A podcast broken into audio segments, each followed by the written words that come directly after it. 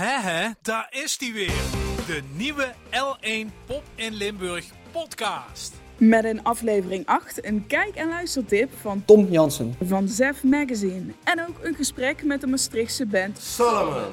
Eerst een update van Pop in Limburg met Jessie de Ledda. Op het moment van opname zit heel Nederland nog midden in de intelligente lockdown, zoals het zo mooi heet, na aanleiding van de coronamaatregelen. Jessie, ben jij op dit moment bij Pop in Limburg of werk je vanuit thuis? Nee, ik zit, eh, ik zit thuis, eh, ben ik aan het werk. Het gaat op dit moment nog wel goed. We hadden natuurlijk met de hele situatie, toen het net, eh, net aan de hand was, was het wel eventjes goed met z'n allen kijken, oké, hoe kunnen we toch de dingen die we op de planning hebben staan en de dingen die we aan het doen zijn, toch op een goede manier inzetten. En dat resulteerde in dat er sommige dingen gaan online plaatsvinden. En eh, we hebben twee keer per week ongeveer eh, hebben we even een, een, een Skype-vergadering met elkaar.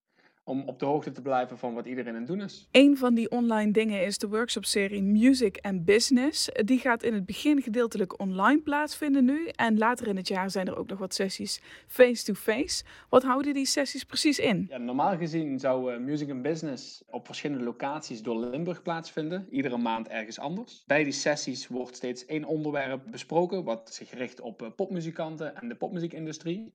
Daarbij is er iedere keer een panel van een aantal professionals. Waarbij eigenlijk alle muzikanten en, en eh, geïnteresseerden gratis kunnen aansluiten. En zoveel mogelijk vragen kunnen stellen om het fijne te weten te komen van alle zaken in de popmuziekindustrie. En wat gaat er dan gebeuren bij die allereerste sessie? De eerste workshop-sessie is eh, Upgrade Your Gigs. Die sessie wordt geleid door Bas Barnesconi, onder andere bekend van zijn eigen band De Bazooka's. En in het panel zitten Ruby van den Brink, Daniel Nagelkerken en Lisanne Middag. Zij werken als boeker, programmeur, als manager, dus zij weten daar van alles en nog wat over. Vanwege de hele situatie gaat die online plaatsvinden op eh, 19 april. En die gaan we door middel van een Zoom-sessie livestreamen. Nou is die eerste sessie al vrij snel, maar we zeiden al eerder, Music and Business is het hele jaar door. Kunnen muzikanten zich dan ook op ieder moment aanmelden? Ja, er zijn zes sessies over het jaar verspreid. Dus er zijn drie voor de zomervakantie, zeg maar, en drie na de zomervakantie. Waarschijnlijk zullen alle sessies voor de zomervakantie online plaatsvinden. Het is natuurlijk nog even kijken hoe het met de situatie zit dadelijk, maar we proberen alles zo snel mogelijk te schakelen. En de sessies na de zomervakantie laten we hopen dat die weer echt op locatie, in person, eh,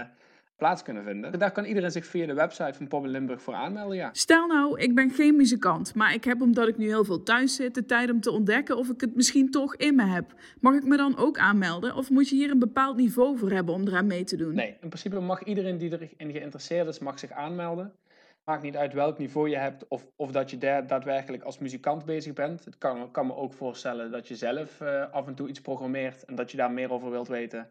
Dan mag je natuurlijk ook erbij komen. Dan nog even iets anders dat nu speelt bij Pop in Limburg, de makersregeling. Wil je nog even kort uitleggen wat die inhoudt? Tuurlijk. De makersregeling is in het leven geroepen om ambitieuze muzikanten en artiesten een bijdrage te kunnen geven in de plannen die zij eh, hebben voor de komende periode. Daarvoor moeten aanvragers een formulier invullen, waarin zij helemaal hun plannen beschrijven en ook een begroting maken en dergelijke. Dus ze moeten heel goed nadenken over wat ze de komende tijd willen gaan doen, hoe ze dat willen gaan doen, met wie ze dat willen gaan doen. Het liefst ook dat ze al goed weten wanneer ze dat willen gaan doen.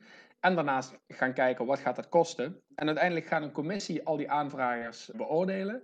En daar komt dan een besluit uit voor eh, welke aanvragen goedgekeurd worden. En dus uiteindelijk een extra bijdrage krijgen om zo, zo ervoor te zorgen dat alle projecten die gedaan worden nog net dat beetje beter eh, gedaan kunnen worden. En natuurlijk een, een soort van financiële last eh, een stukje weg te kunnen halen bij de artiesten. Ja, nou is de deadline van dit jaar verstreken. En ik hoorde dat er zijn dubbel zoveel aanmeldingen als normaal. Hoeveel zijn er dat in totaal? Ja, vorig jaar zaten we op 13 en dit jaar hebben we 27 aanvragen. En wat betekent dat dan voor de mensen die zich hebben ingeschreven? Er is geluk, eh, of helaas maar een beperkte hoeveelheid geld beschikbaar. Dus niet iedereen zal een bijdrage kunnen krijgen. Daarvoor zal de commissie dadelijk een, eh, een behoorlijk eh, moeilijke taak hebben om te bepalen wie iets krijgt en hoe hoog die bijdrage zal zijn. Maar eh, daarbij krijgen degenen die uiteindelijk een bijdrage krijgen, die worden daar ook in gecoacht tijdens het traject. En iedereen die geen bijdrage krijgt, willen we wel altijd iets van feedback nog teruggeven, zodat niemand met lege handen zeg maar, eh, eh, staat uiteindelijk. Want het gaat uiteindelijk ook erom dat artiesten van elkaar kunnen leren en weer kunnen kijken hoe anderen dat doen, zodat daar misschien weer nieuwe ideeën uitkomen. Zit er dan misschien ook een maximaal bedrag aan dat een maker kan krijgen? Want ik kan me voorstellen dat je niet wil dat bijvoorbeeld maar twee mensen iets krijgen voor een of andere gigatour die ze aan het plannen zijn, als er zoveel aanmeldingen zijn. Ja, dat klopt. Het maximale bedrag dat iemand kan krijgen voor een project is 5000 euro. zolang het totale project meer dan uh, of 10.000 euro of meer kost. Dus wij vergoeden maximaal 50% van het, van, het aangevra- van de totale kosten. Oké. En voor de makers die nog niet wisten dat dit bestond, wat kunnen zij nog doen dit jaar om toch een beetje extra financiële steun te krijgen? Er zijn verschillende andere regelingen, Fonds Cultuurparticipatie en Fonds Podiumkunsten. Die hebben soortgelijke regelingen waar je ook een soortgelijke aanvraag kan doen. En die periodes die lopen nog wat langer. Super, Jessie de Leda van Pop in Limburg, dankjewel en heel veel succes nog daarin. Dankjewel, jullie ook.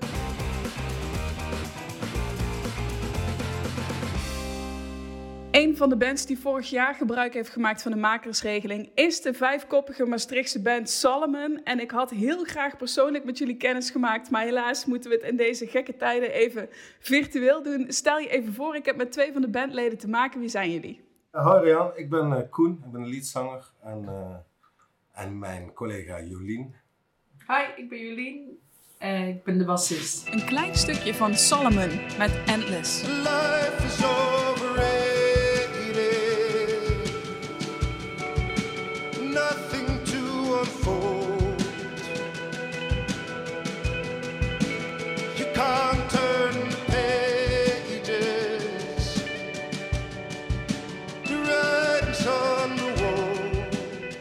Solomon met Endless dus. Jongens, ik had het zojuist met Jessie de Ledda over de makersregeling. Daar hebben jullie ook gebruik van gemaakt. Hoe zat dat precies? We, waren, we hadden een, een, het opnemen van een EP uh, in het vooruitzicht. We delen allemaal een passie voor het ontwikkelen van de muziekcultuur. Dus het ondersteunen van uh, mensen met talent en die een podium bieden. Dat zie je terug in hoe wij wekelijks al jaren een open podium organiseren in Maastricht.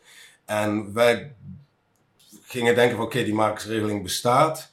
Wat zouden we eigenlijk kunnen doen om, om iets anders te doen dan eigenlijk de standaard aanvraag financiering voor het opnemen van je EP. En daar kwamen wij terug op het een idee wat al jaren in ons hoofd speelde, is het documenteren van het hele proces waar wij als band doorheen gaan. Dat we denken dat is een hele heel waardevol proces. Maar het wordt eigenlijk veel te weinig vastgelegd. Oh, vaak zie je dat in retrospect. Hè? Uh, een band die heeft het gemaakt. En, en dan wordt het door middels van, van beelden van vroeger uh, in retrospect over verteld.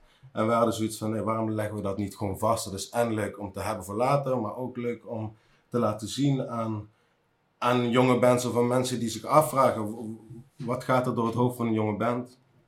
Ongeacht of je het maakt of niet. Dus wij hebben de makersregeling ingezet voor het schieten van een documentaire, samen met een documentairemaker die ons anderhalf jaar voor volgt in een ja, spannende periode. Je zegt volgt, dus dat, dat loopt nog steeds, die opname. Ja, ja absoluut, ja. Ja, eigenlijk de makersregeling gaf een beetje het startschot vanaf dat hij ons ging volgen. We hebben een klein stukje proef gedraaid. En dat hebben we laten zien tijdens de presentatie van de makersregeling. En toen we daadwerkelijk de makersregeling ontvangen, zijn we echt gestart met het filmen. Dus nu volgt hij ons uh, eigenlijk op de voet. Behalve nu dan tijdens de crisis, want dat kan natuurlijk even niet. Dat gaat vanaf een afstandje. Maar uh, hij is eigenlijk bij alle belangrijke momenten zijn ze erbij en bij repetities en probeert zoveel mogelijk van het hele proces vast te leggen. Je moet je voorstellen dat dit vooral een fase is waar naar een verhaallijn gezocht wordt. Hè? Dus, dus hij, is, hij is heel veel aan het schieten en, en dan gaat het over dingen die goed gaan, dingen die fout gaan. En, en aan de hand van het beeldmateriaal wat hij nu verzamelt, wordt langzaam duidelijk oké, wat is die verhaallijn van die documentaire nou precies? Dus de pijnpunten en de positieve punten ja, en hopelijk wordt dat in de komende tijd uh, duidelijk. Ja, goed, er is nou natuurlijk van alles aan de hand, want we zijn bezig met, met opnames. Uh, terwijl we elkaar nou niet mogen zien. Uh, en opeens zijn alle, alle optredens er niet meer. De hele muziekindustrie staat op zijn kop. dus ja, dat, dat, dat, dat is een, iets wat wij natuurlijk niet hadden voorzien. Maar wel interessant hoe wij daar proberen mee om te gaan, denk ik. Ja, maakt die opname wellicht nog een stuk relevanter om ook dat uh, gedeelte vast te leggen. Hoe jullie omgaan met die crisis, daar wil ik zo meteen even op terugkomen. Maar ik ben wel benieuwd, als je zeg maar bij het begin besluit, oké, deze persoon gaat ons volgen. Er wordt naar jullie gekeken door een andere lens. Hoe ga je dan ook naar jezelf kijken? Want ik kan me voorstellen dat dat ook voor jullie best wel confronterende dingen oplevert. En dat jullie nu op een hele andere plek staan dan aan het begin van die documentaire. Of van de opnames in ieder geval. Ja, ja nee, absoluut. We waren, we waren denken, wie gaat deze vraag beantwoorden? ik dacht even, oh, pijn. Uh, nee, ja, ik, ik, bedoel, ik word me bijvoorbeeld heel erg bewust van dat ik heel veel rook. Ja, dat is heel Oh, ja. raar. Dat, dit- dit- maar omdat, elke keer omdat er een camera op je gezicht staat, ben je inderdaad heel erg bewust van hoe je doet, hoe je bent, hoe je, hoe je bent in je communicatie tegenover iedereen. Ik ervaar dat op dit moment niet, iets, niet als iets negatiefs. Ik denk ook niet dat onze samenwerking daardoor beïnvloed wordt. Maar het is wel een extra impuls om goed na te denken over, over waar je mee bezig bent. Ja, en in het begin waren we denk ik ook nog wel wat voorzichtiger met wat je zei. Zo van, oh, dit wordt vastgelegd. En nu ben je er inmiddels zo gewend aan dat hij er altijd bij is. Dat je het eigenlijk al wat minder een blad voor je mond neemt dan in het begin. Want wie maakt de documentaire? Leonard Kleinschmidt dat is een, eh, een Duitse jongen, eh, een internationale student hier in Maastricht, die eigenlijk al vanaf zijn, ja, vanaf zijn zevende met film bezig is. Hij heeft geen film gestudeerd, hij heeft politi politicologie gestudeerd, als ik me niet vergis. Dus ik merk dat hij hele goede kritische vragen stelt. eh, op het moment dat ze een interview doen. Ja, en verder het helpt denk ik dat wij met z'n vijven allemaal op dezelfde lijn liggen. Dus, eh, dat wij deze documentaire niet willen als soort promo-docu voor de band Solomon, maar dat we gewoon heel graag een realistisch beeld willen schetsen van het leven van een jonge band die erg ambitieus is. Ja, en het allerbelangrijkste daarvoor is die klik natuurlijk. Maar voor de rest gaat het er vooral om. Je laat iemand toe, dusdanig toe als een soort van zesde lid van jullie vijfkoppige band. Dat moet ook iemand zijn die eh, qua feel gewoon goed past. Ja, absoluut, absoluut. Ja, goed. Ik denk dat dat ook de doorslaggevende factor is geweest uiteindelijk voor die makersregeling. Is dat die, dat die soort testfilm die we hebben laten zien ook gewoon echt heel erg goed en oprecht in elkaar stak. Ja, goed. Het is op dit moment natuurlijk zo. Er komt weinig inkomsten binnen, hè? Want er zijn geen optredens. We zijn in het proces van het opnemen van eh, muziek. Dat kost natuurlijk geld. Straks is dat klaar en dan wordt er een marketingcampagne uitgezet. En op dit moment hebben we nog een potje geld gespaard. Maar dat is binnenkort bijna op. Dus je, had kunnen zeggen, oh, die makersrekening had ook wel fijn geweest. Voor het financieren van, van een EP bijvoorbeeld. Dus ik denk dat de mensen die aanvraag hebben gedaan voor de makersregeling afgelopen jaar voor het financieren van opnames en dergelijke, daar op dit moment heel erg blij mee eh, zijn. Hoe is voor jullie dat proces geweest van die aanvragen en daardoorheen lopen? Was dat makkelijk of zijn jullie er tegen veel dingen aangelopen? Ik heb daar heel veel nachten en dagen aan gezeten om dat zo goed mogelijk eh, in elkaar te, te zetten. Ik denk dat het ook een heel waardevol proces omdat je heel erg gaat inzoomen over waar sta ik eigenlijk als een band? Wat heb je al bereikt? Wat wil je graag bereiken? Al je dromen, je visies, je hele filosofie. Die moet je gewoon zo goed mogelijk op papier zetten. En daarmee moet je natuurlijk die jury overtuigen. En dat hele proces van inzoomen, eh, wie zijn wij nou eigenlijk en waar willen we naartoe? Eh, dat is ontzettend waardevol. Ja. Ook financieel, doordat je een heel budgettering moest gaan maken, dat je echt gaat kijken, oeh, hoeveel kost dit nou realistisch gezien? En hoeveel stoppen we er zelf nu daadwerkelijk eigenlijk in? En wat is er echt precies voor nodig om zoiets op te zetten? Vond ik ook heel waardevol. Ja, precies. Je denkt heel erg creatief. hè. In ons geval denk je, oh ja, we hebben een Zoom-microfoon, dat kunnen we aansluiten op de camera. Oh, en we hebben, de, we hebben gelukkig, huren wij een studio. Dus, dus eh, weet ik veel, je, je legt natuurlijk heel veel van, je, van hetgeen wat je al hebt in. Maar eigenlijk kost dat ook allemaal geld. Weet je wel? Zou je dat door gaan berekenen in je financiële begroting, dan kost het, kost het misschien eh 30.000 euro, weet je wel, in plaats van 5.000. Hè? En, en, en, en ja, daar, goed, daar, daar, daar, daar word je heel erg bewust van de investering die je eigenlijk doet. En, Ja. en nou worden wij daar gelukkig allemaal niet zo angstig van en zijn we heel erg gemotiveerd en, en willen we heel graag drie dagen in de week eh, aan die band eh, spenderen. Ja, het is misschien juist daardoor dat je ook weer wat meer met z'n allen op één lijn komt met, oh ja, dit zijn we met z'n allen aan het investeren, nu hebben we duidelijk, dit is wat we willen. Dus het- dat, dat je misschien ook juist wel helpt, dat je even door die confrontatie heen gaat, zeg maar. Ja, absoluut. Waardevol eh, proces. En überhaupt de hele ondersteuning vanuit Pop in Limburg. eh, en iedereen betrokken is, is ontzettend fijn. De, de gesprekken met iedereen die die makersregeling uiteindelijk heeft gekregen. Er vinden maandelijkse meetings plaats eh, met alle bands. Om te evalueren, het proces te evalueren. En, en dat is ontzettend fijn. En dat brengt denk ik ook weer de, de, de Limburgse scene een beetje bij elkaar. Hoe leeft die Limburgse scene volgens jullie? Kunnen jullie daar veel gebruik van maken? Zijn jullie daar echt onderdeel van? Ja, ik denk wel dat we er onder, onderdeel van zijn. Ja. En ik denk dat, dat die Limburgse scene, in mijn ervaring, momenteel meer leeft dan ooit tevoren. Uh, misschien omdat ik daar zelf in het verleden iets minder deel van uit, uitmaakte. Maar als je nu kijkt naar wat voor initiatieven uit de grond springen rondom de hele coronacrisis. Het delen van mekaars muziek. En echt een, een soort van voice vanuit de Limburgse bands. Van hey, we moeten er voor elkaar zijn. Wat kunnen we uh, uitwisselen? Wat voor links kunnen we van elkaar delen? Weet je wel, Instagram stories die gerepost worden met al die bands die daarin getagd worden. Playlisten die gemaakt worden met Limburgse uh, muziek. Dat, dat, dat soort dingen, dat, dat, dat zie je nu allemaal gebeuren. En daar zijn wij gelukkig maken wij daar deel van uit. Ja, en we hebben ook wel in Maastricht denk ik wel echt een beetje onze eigen scene qua band.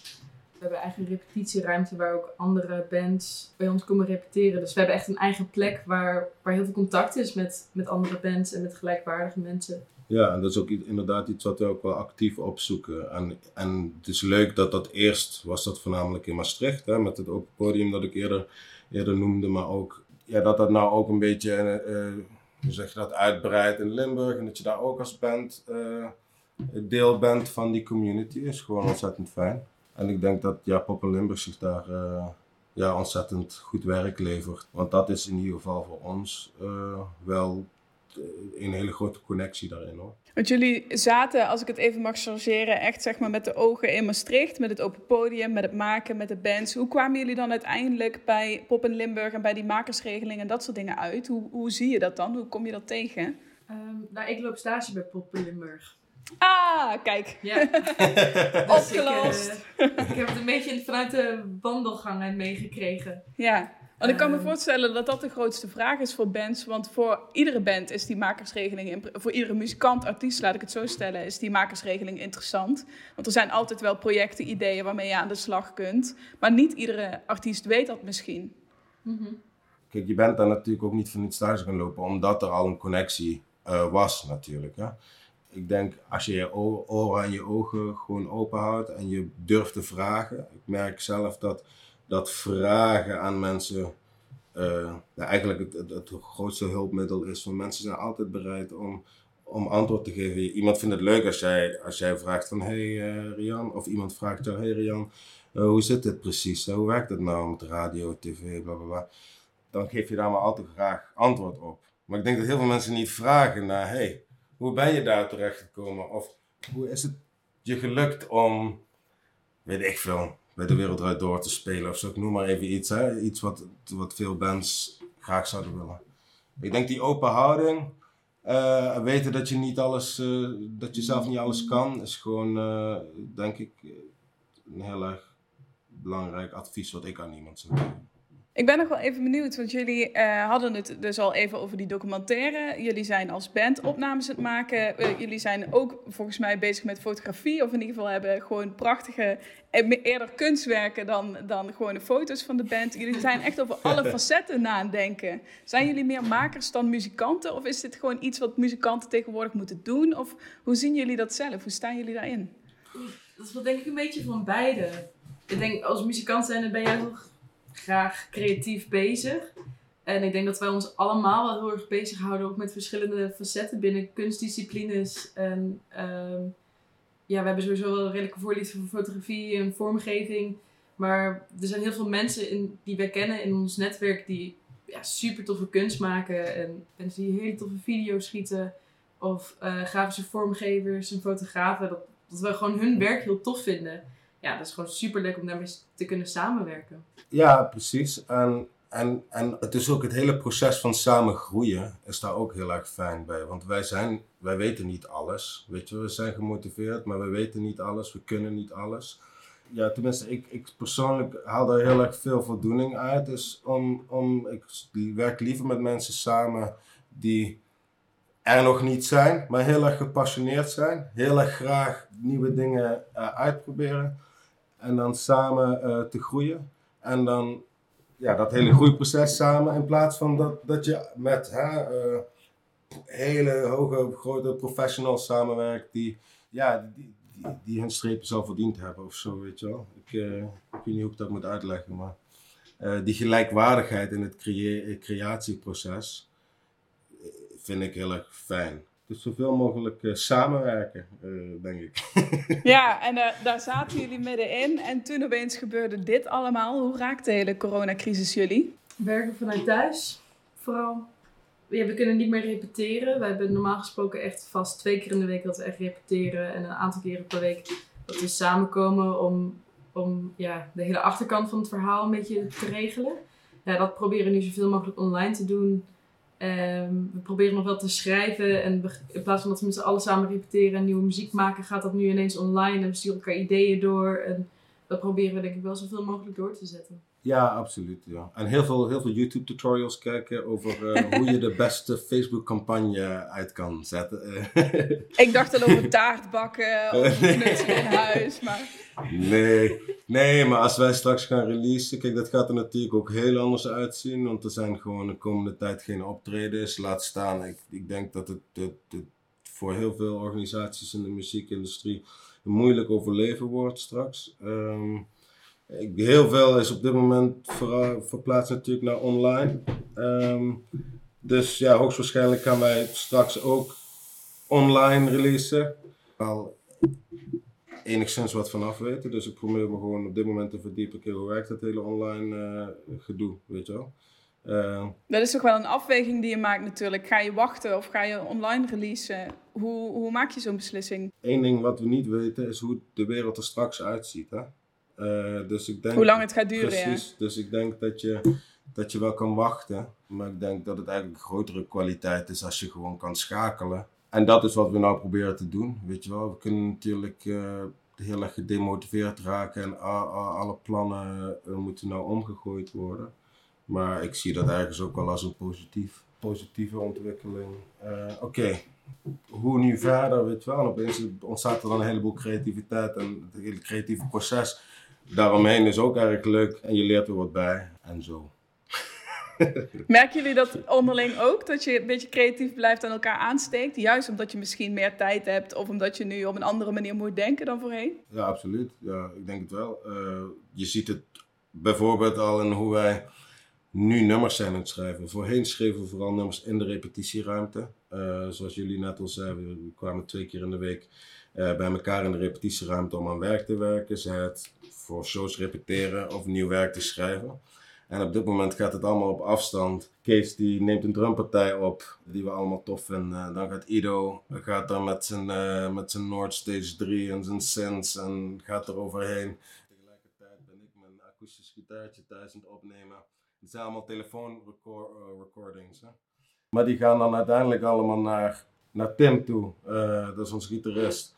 En die gaat het allemaal in elkaar knutselen en mee aan de slag. En dat is een hele andere manier van schrijven. Normaal ontstaat een nieuw nummer in de repetitieruimte bij ons. En nu ben je eigenlijk al een soort pre-productie in maken voordat je het überhaupt ooit uh, hebt gespeeld in de repetitieruimte.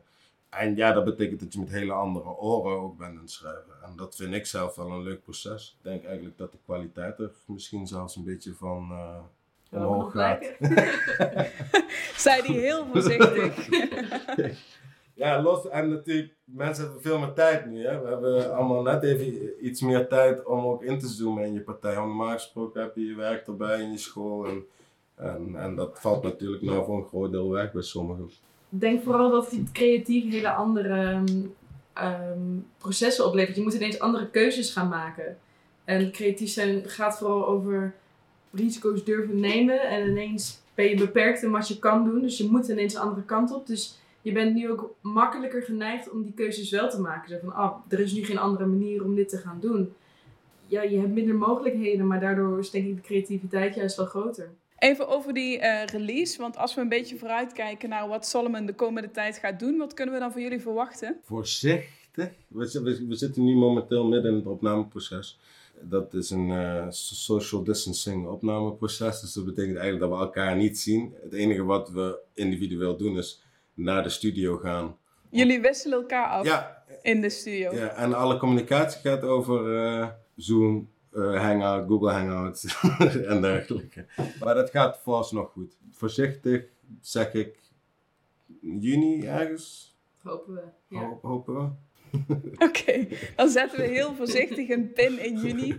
Wellicht zijn dan ook alle maatregelen opgegeven. We weten dat op dit moment nog niet. Maar stel, het zou wel zo zijn. Wat is dan het eerste dat jullie gaan doen? Goeie vraag. Als alle maatregelen... Oh, dan ga ik een cappuccino drinken ergens op het terras. Mm, want dat mis ik. Dat deed ik normaal gesproken twee keer per dag. Ja, slechte gewoonte, maar dat is echt mijn momentje. Nee, ja, muzikaal. Ja, sowieso weer repeteren, denk ik. Gewoon elkaar weer zien in de repetitieruimte. Heel dicht op elkaar in de ruimte gaan staan. Ja, ja. misschien zelfs knuffelen. Dat, eh. Heel klein beetje. En voor jou, Jolien? Eh, ja, hetzelfde. Het eerste wat er dan opkomt is ehm, de plannen voor de videoclip die we willen gaan schieten. Die ehm, zijn natuurlijk nu ook beperkt. Dus dat kan pas weer als het eh, allemaal opgeheven is. Dus dan gaan, kunnen we dan heel veel Solomon verwachten. Allemaal in één keer. Bam. Alles tegelijkertijd. Ik zou nog uren met jullie door kunnen praten, maar Zoom heeft een 30 minuten restrictie. Nee, ah, ik vind het zo gezellig. Ja. dus ik ga langzaam afscheid van jullie nemen, maar ik vond het te gek om even kennis met jullie te maken. En we houden jullie in ieder geval in de gaten, voorzichtig voor juni. Maar voor de rest van het jaar gaan- kunnen we nog wat van Solomon verwachten. Dankjewel. Hey, bedankt.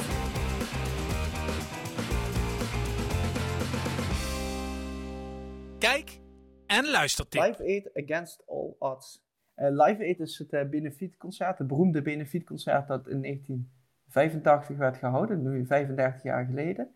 En daar is een, eh, bij het 20-jarig jubileum eh, een eh, BBC-documentaire verschenen, die heet Against All Odds, net zoals het nummer van Phil Collins. En dat is een geweldige documentaire van twee delen, twee keer anderhalf uur, waar het hele verhaal achter dat concert verteld wordt. Van hoe het idee is ontstaan rondom de single van Band-Aid tot aan het organiseren van, eh, van de shows in Wembley. Maar ook alle strapatsen van artiesten achter de, achter de schermen, van eh, Freddie Mercury tot Bono. Het is een geweldige documentaire, eh, grappig, interessant, ontroerend. Ehm, ja, ook een heel mooi tijdsbeeld van, van de jaren tachtig. Dus dat is, hij is wel een klein beetje illegaal, want hij staat op YouTube. Hij is van de BBC, maar hij is door andere mensen eh, op eh, YouTube geüpload. Maar de- als je een beetje goed zoekt, dan vind je hem wel.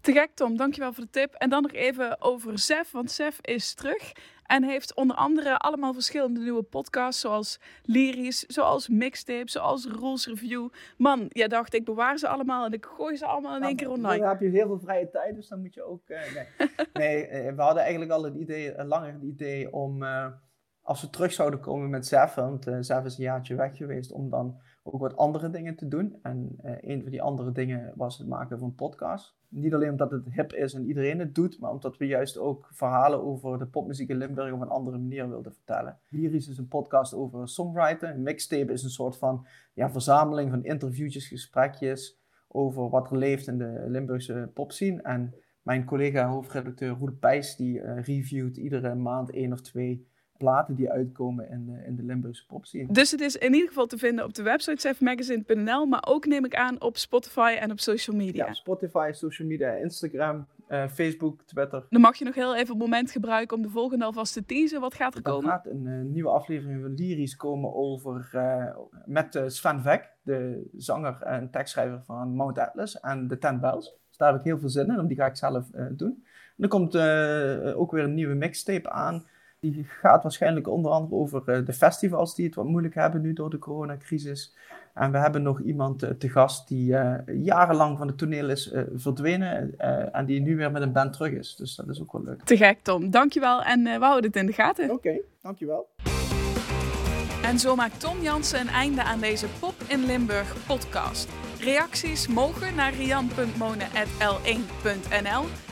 En check in de tussentijd zeker ook de Spotify van Pop in Limburg, want daar staat de release radar en daar ontdek je de nieuwste Limburgse muziek. Tot de volgende keer.